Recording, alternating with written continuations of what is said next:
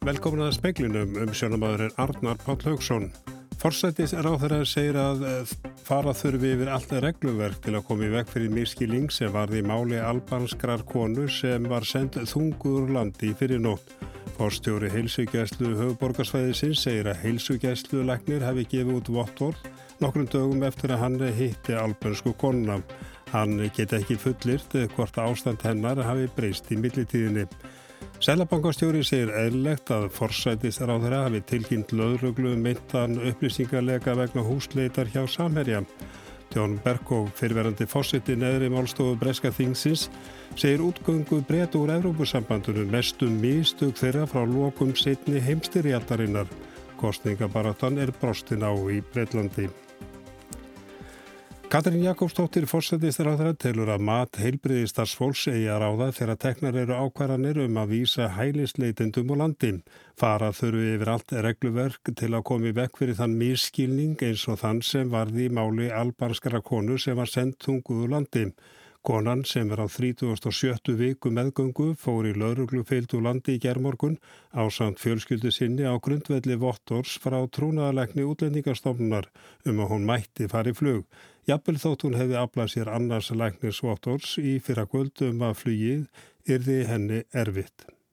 Þarna uh, líti ég svo á að mat heilbreyðistar sem hann eigi að ráða. Uh, eins og far farið yfir í fréttum í gær þá var þarna kannski einhver óljós skilabóða milli þannig að mér finnst mikilvægt að, þess, að það verið farið yfir allt verklag í kringum almennt regluverk, í kringum bæði viðkoma einstaklinga og, og barsamandi konur þannig að það sé algjörlega skýrt að uh, heilbreyðissjónaminn ráði fyrr segir Katrín Jakobsdóttir. Og meirifundamál Óskar Reykdal, svona fórstjóri heilsugjæslu höfuborgarsvæðisins, segir að læknir hafi hitt albönsku konuna. Læknir svottorðum að kona væri ferðafær, hefði aldrei verið gefið út, nema læknir hefði hitt hana. Á þess að tjá mig um einstakamál þá er því slíkt vottor aldrei gefið út að hans hafa hitt sjúkling. Þetta er þessu eðlis vottor að það þarf auðvitað að hitta sjúklingin til þess að meta það eða konuna. Þannig að það er alveg óhugsandi að lækninin hafa aldrei hitt hana. Já, það er alveg óhugsandi. Í málefninu sem þessum, þar sem að kona er hins vegar ófrísk, að þá þetta getur þetta breyst tölvert frá dag, degi til dags eða viku til viku og því getur vel verið að á ákveðinu tíma sé vottorðið orðið úreld en hins vegar þá er, og, og þetta myndi enginn skrifa svona vottor nema að hafa hitt viðkomandi. En vottorðið var samt gefið út nokkrum dugum eftir hann hittu konuna eða hvað? Já, það er rétt. Þetta var ekki, það var reyndar gefið út vottorð samdægurs og það er yfirleitt alltaf gert en síðan getur verið í, nokkur, í sömum tilveikum að eh, vinnan við, við verkið frestast og þá þarf að gefa nýtt vottorð. Þannig að það getur stundum komið til að, að, að við komum að læknandi hjá okkur hafa ekki hitt sjúklingarna akkurat þann daginn sem að það vottorð er skrifað. En er nokkur neginn tryggt að hennar ástand hafa ekki breyst á þessum nokkur dögum frá því að læknin hitti þannig að vottur var gefið út? Ég, ég get maður ekki vita það alveg. Þetta var Óskar Reykdalsson, Kristín Sigurðardóttir talaði við hann. Og í tilkynningu frá útlendingarstofnun kemur fram að læknisvottorð hafi verið gefið út 4. november, degi fyrir brottver hennar. Þar hefði komið fram að hún væri ferðafær. Undir kvöld hann sama dag hafi konan farið á kvennadeildi landsbítalan og verið útskrifuð eftir minnati. Útlendingarstofnun hafi þegar óska eftir fundi með ennbætti landlæknist til að fara yfir þetta mál sem og almennt með hvaða hætti skuli standað öflunlæknisvottorðan vegna slíkra mála. Tjón Berkó fyrirverandi fórsiti neðri málstofu breytt Breska Þingsins segir útgöngu breyta úr Európussambandunum mestu místug þeirra frá lokum setni heimstyrjaldarinnar. Kostningabaráttan hóst formlega í Breitlandi í dag.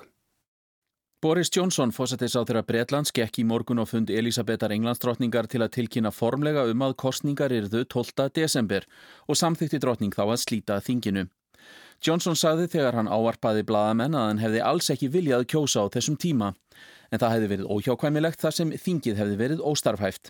Hann eitt gæti komið Brexit í höfn, hinn er myndu fresta útgöngunni enn meira sem væri hræðilegt fyrir líðræðið. Ekki taka allir undir þetta.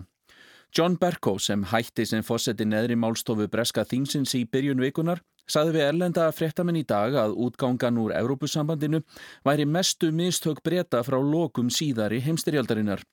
Berko hvaðst virða Boris Johnson fórsættis á þeirra Breitlands en Brexit yrði ekki breytum til góða. Betra væri að vera hluti að valda blokk Evrópusambandsins. Berko vísaði því á bug að hann hefði reynd að hindra útgöngu breyta. Það hefði verið þingið sem hefði komið í veg fyrir að breytar væru farnir úr Evrópusambandinu.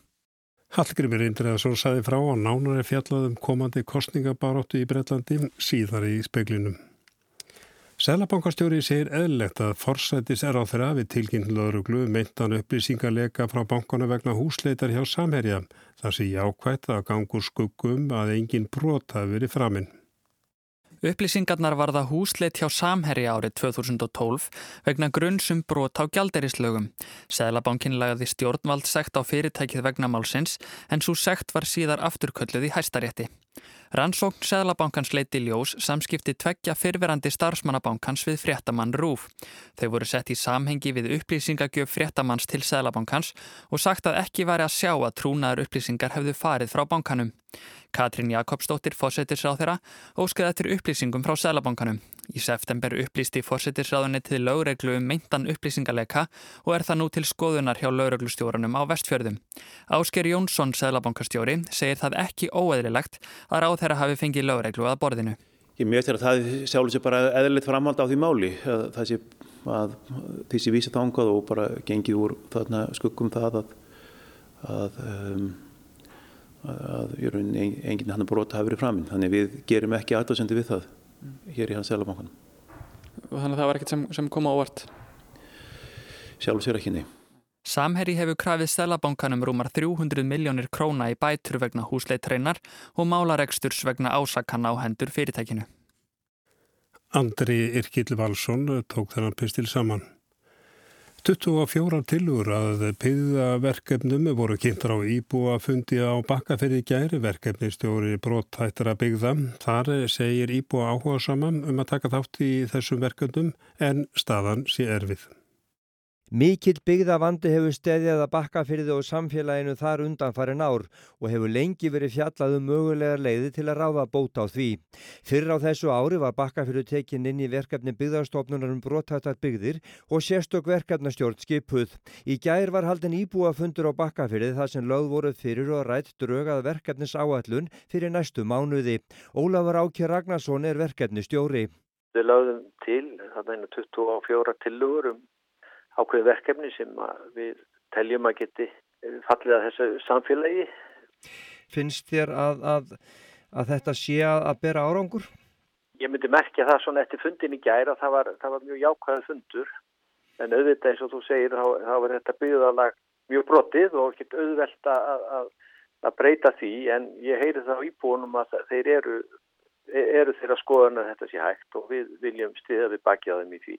Meðal þessum áalluruna er yfir eru innviðaverkefni, lausnir í skóla og dagvistunamálum, fjárvinnsla, kaffihús, náttúr og rannsóknir, umhverfismál og ferðarþjónusta, svo eitthvað sé nefnt. Og Ólafur segir unnið að stopnu nýra fyrirtækja, engum í ferðarþjónustu. Það eru náttúrulega komið hér gisting í skólahúsnaði, það er verið að byggja upp þjónustuhús hérna með svona fjölbreytin þjónustu og síðan hafa svona ferðarþjónustu aðalar utanakomandi svona banka á dittnar og vilja skoða hvaða möguleikar eru hér. Þetta var Ólafur Áki Ragnarsson og Ágúst Ólarsson talaði við hann.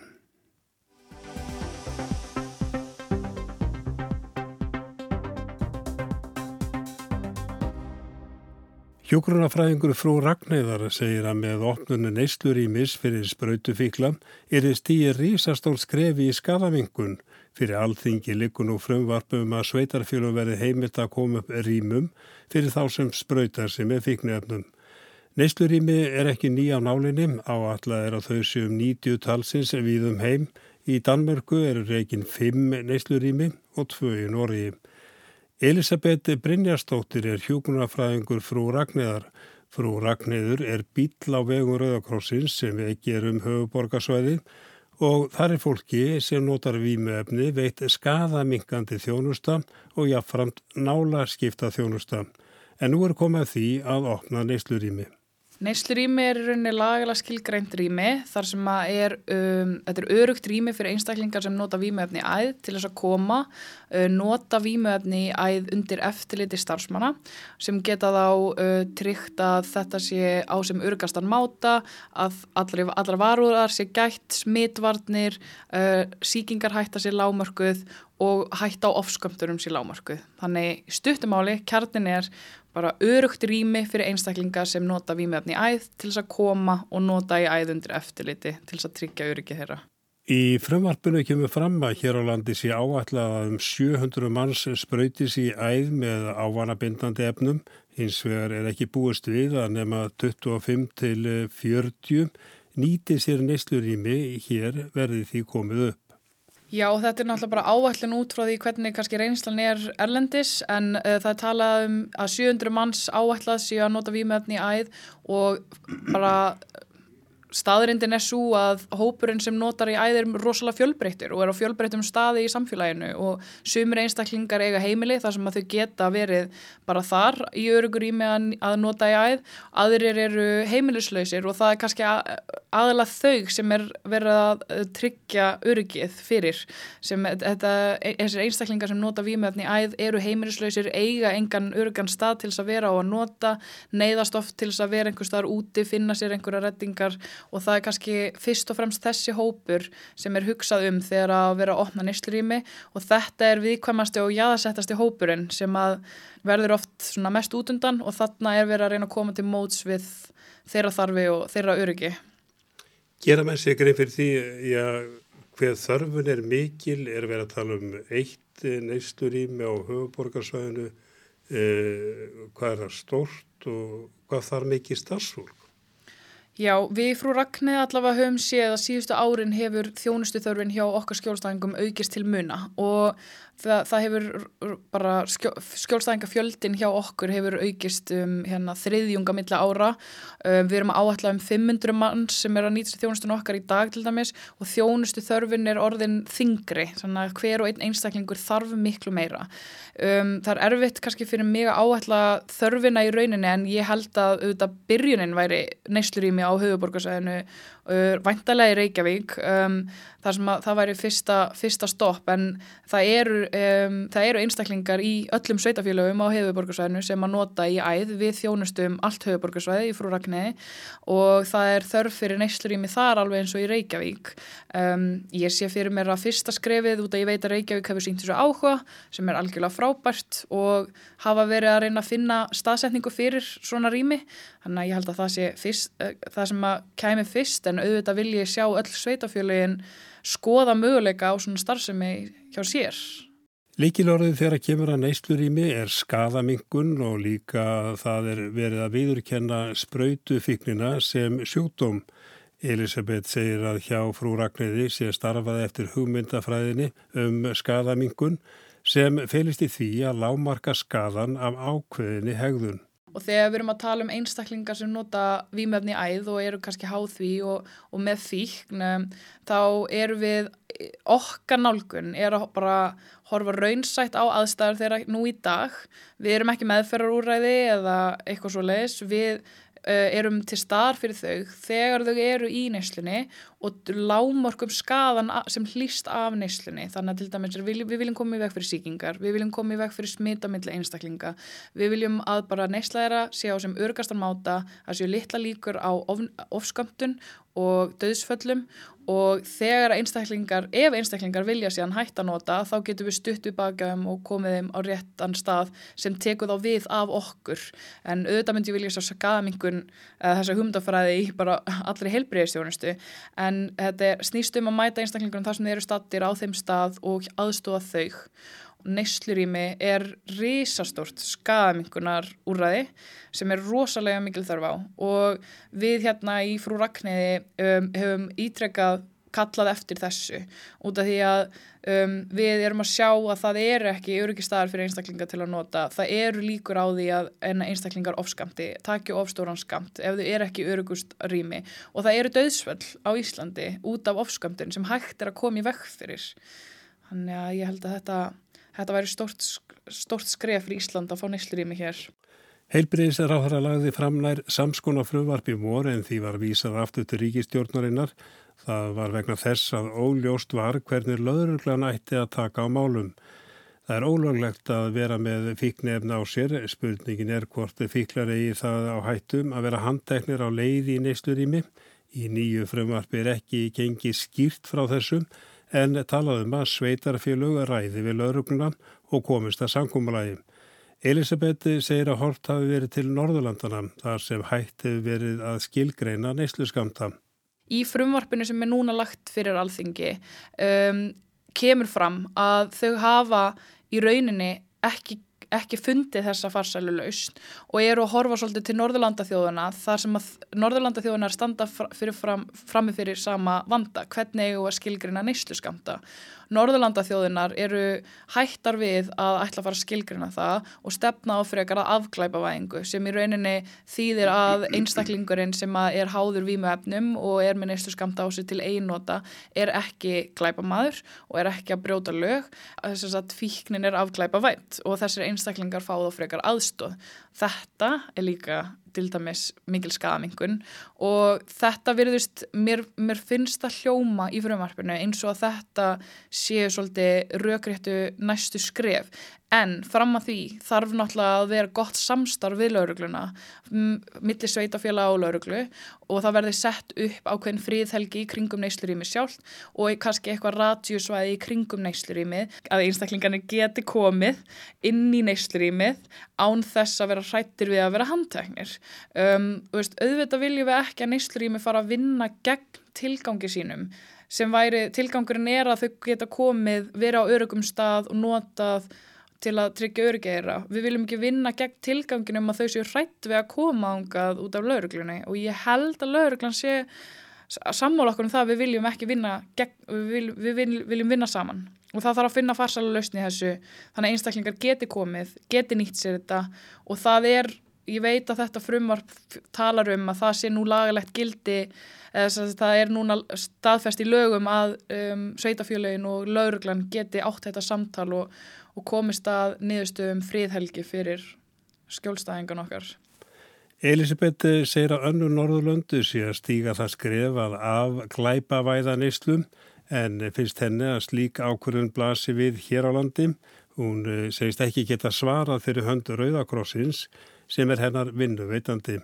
En ég sem starfsmæður Rauðakrossins sem starfa í mikill í náví við skjólstæðinga sem eru háðir výmöfnum og hérna, eru í Ísari stöðu að eru í rauninu skilgrendi sem glæpa mér í dag. Ég sem hjúkunarfræðingur sem starfa í náví við þau get sagt að þetta væri risastórt og mikilvægt skref bara fyrir þeirra mannréttindi að það verði, að það verði gæti orði umbylting í rauninni bara viðhorfi gagvart þessum hópi sem er viðkvæmur í samfélaginu, er jáðasettur og er oft bara neitað um þjónustu út af því að þau eru að brjóta lög þegar þau eiga að vera að fá miklu meiri og betri þjónustu. Og ég, ég sjálf segja að þetta væri rosalega mikilvægt skref fyrir Ísland og fyrir enna einstaklinga í Íslandi sem eru að nota vímefni aðeð. Spröytufíklar eru jáðarsettur hópur í samfélaginu. Ef neyslu rýmum verður komið upp hér á landi er nafnlend fyrir þá sem fá þjónustu þar. Þeir sem koma þanga geta til dæmis skráðsu undir dullnefni. Þetta fyrirkomulaga á líka við þá sem fá þjónustu hjá frú Ragnhiði. Forsenda þess að við getum starfað er trösti til okkar. Og það er ekkert sjálfsagt fyrir skjólstæðingar að treysta hverjum sem er fyrir því að þau sé að nota výmaefni eða hvernig neyslan er eða, og, og eða bara stíga inn í bílinn okkar yfir höfuð. Og það eru miklu fordómar í samfélaginu uh, því miður. Og það er mikil hérna, það þarf að fræða samfélagi mjög mikið um stöðu þessara einstaklinga. En við leggjum bara mikið upp úr því að, að skjólstangar okkar treyst okkur, þóri að leita til okkar á sínum einn fórsendum og hlut af því er að tryggja það að þau í rauninni geti valið hvort að þau komi fram undir sínu einafni eða undir einhverju dullnefni og þá eru þau bara skráð undir dullnefninu hjá okkur og það er ekkert persónungareinlegt. Þau eru því miður oft bara rosalega hrætt við það að hluti sér skráður inn í kerfið og það fylgir þeim alltaf það sem eftir er.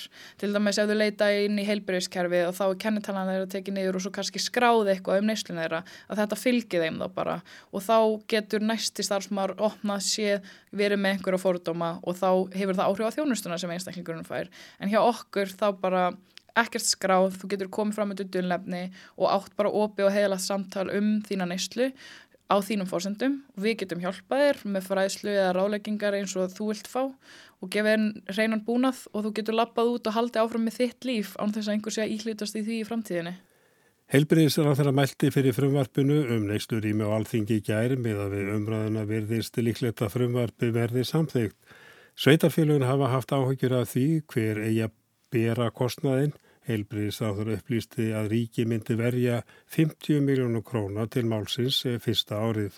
Miða við eftirspurnin eftir þjónustunni sem við sjáum hjá frú Ragnæði og, og íbúafjölda á Íslandi þá má ætla að það sé þörf fyrir þjónustu af þessu tagi hér á höfuðborgarsvæðinu. Ráðuneytið hefur verið í samskiptum við Reykjavíkurborg um áhuga á uppsetningu á rými af þessu tagi og ég hef, eins og kom fram í minni framsögu, gert ráð fyrir því að geta ráðstafað uh, allt að 50 milljónum á ársgrundvelli til að uh, koma til móts við þann kostnað sem af þessu hlýst, bæði reksturinn og uppbygginguna. Um, mér reiknast svo til að það ætti að vera fullnægjandi til að koma til móts við það að starfsemin ætti að geta byggst upp og reksturinn ætti að vera tryggður a.m.k. fyrsta árið. Þetta var Svandís Svavarsdóttir. Frumvarpið fer nú til velferðarnefndar Alþingis og annarar umræðum en Elisabeth vonar að ekki verði langt í það að neyslurými verði opnað. Sko það er verið að tala um að það verði á dægin hana, til að byrja með. Það er væntala út af fjármagninu. Það vantar væntala meira fjármagn til að geta tryggt sólarhingstarfsemi. Þannig að fyrsta skrefið, ef fyrsta skrefið væri að opna eitthvað sem væri opið á dægin, frábært. Ef næsta skref þyrti væntala að vera að tryggja sólarhingstjónustu, þá erum við að tala um auki fjármagn í þetta og það er væntala umræða sem þarf að eiga sér staði í pólitíkinni. Um, Í þriðja lagi einstaklingarnir sem eru heimerislausir og muni nýta sér neysluríminn þurfa að vera einhver staðar á nætunar og kvöldin og þau leitaðu oft í neyðarskíli. Þá er mikilvægt að tryggja neysla sér leif þar líka ef við ætlum að stíga þessi skrif um, og um, ég vona bara svo sannlega að þetta fari að gerast og það er laungorði tímabært. Við, þjónustan okkar í frú Ragnæði er laungorðin sprungin og við þurfum uh, annað úrræði sem stiður við um, skjólstæðingan okkar. Þetta var Elisabeth Brynjarsdóttir.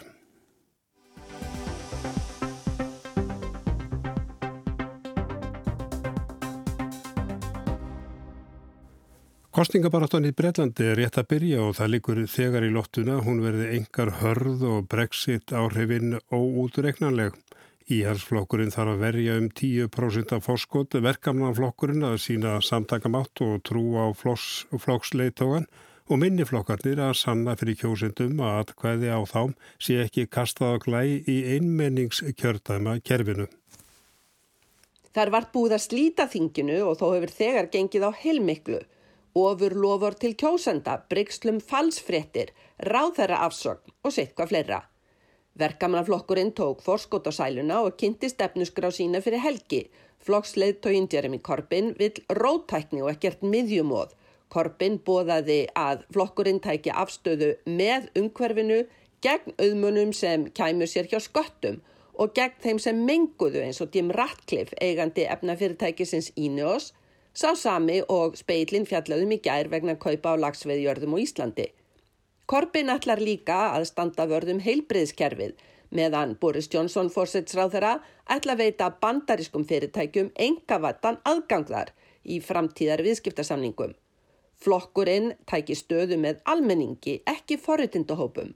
Þarna vil Corbyn koma framan að íhalsflokknum sem mun ákaft reyna að vinna sitt band harða brexit sinna í kjördæmum sem verkamannaflokkurinn átti áður vís. Verkamannaflokkurinn er ákaft gaggrindur fyrir loðna brexit-stefnu en hefur nú högstað á fórsætsráðira fyrir að láta ekki sitt marglofaða brexit rætast 31. oktober. Boris Johnson staked his reputation on leaving the EU on the 31st of October. Do or die, ditches were mentioned, many things were mentioned, and lots of um, Churchillian language was used. No ifs, no buts, he said. So, the failure to do so, I'm sorry, can only be his, Boris Johnson's failure. Forsætsráðra hafi lagt orðstýrna veði fyrir 31. oktober, sagði Korbin. Notað stór orð, talað um skurðu og margt fleira, notað tungumál Churchills, hins sögufræga forsætsráðra breyta á stríðinu. Já, ekkert hum og ha. Það að þetta mistókst sé aðeins Boris Johnson sjálfum að kenna, telur Korbin. Íhalsflokkurinn kynir stefnusgrá sína nú um kvöldmandaleitið. Í ávarpi til þjóðarinnar af hlaði dáningstrætis í dag nefndi fórsætsráð þeirra Brexit sem eina ástæðina fyrir því að hann hefði nú rofið þing og eftir kostninga. Kostningar væri honum mjög á móti skapi en það sæti bara allt fast í þinginu. I can tell you, I've got to the stage where I'd be wanting to chew my own tie in frustration because in a sense we're so nearly there. We've got a deal, oven ready, by which we can leave the EU in just a few weeks. It's a great deal for this country. It delivers everything that I wanted when I campaigned for Brexit. Johnson saðist á köplum hafa verið svo argur yfir þinginu að hann hefði getað tuggið hálsbundi sitt.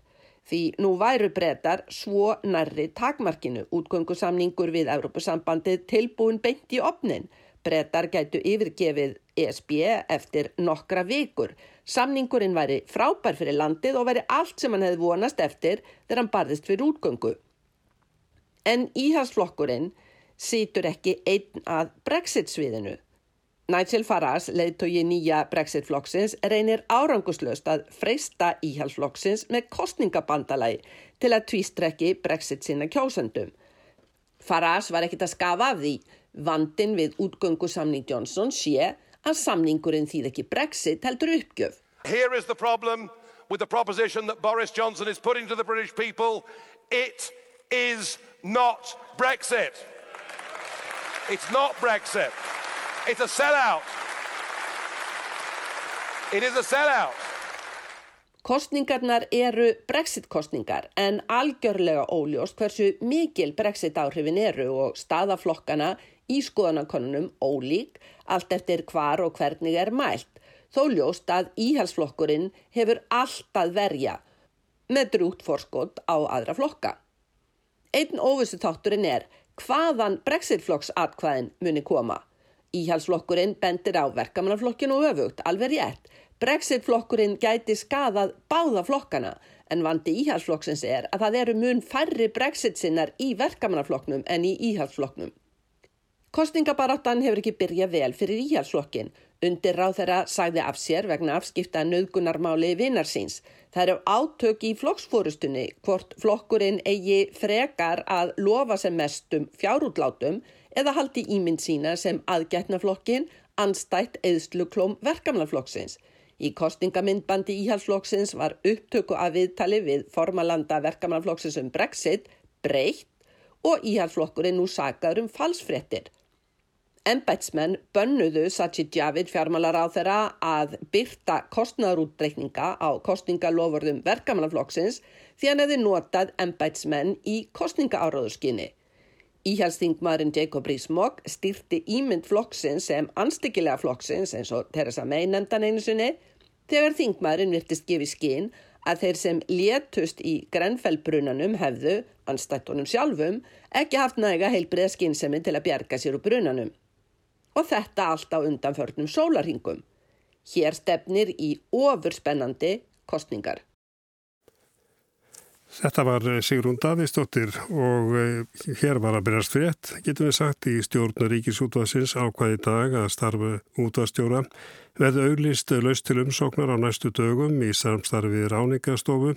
Stjórnin hefur jáfnframt falið Margreti Magnúsdóttur, skrifstofustjóra Rú að taka við sem starfandi útvarstjóri eftir að Magnús Geir Þórðarsson hefur látið að störfum og þánga til nýr útvarstjóri hefur verið ráðinn og Magnús Geiri teku við starfið þjóðlugustjóra 1. januar eðum áramótin en uh, ákvörðinu starfslokk hans hafa verða tekin á næstunni. En það er ekki mikið meira í speiklunum í kvöld. Tæknimaður í kvöld var Martin Martinsson.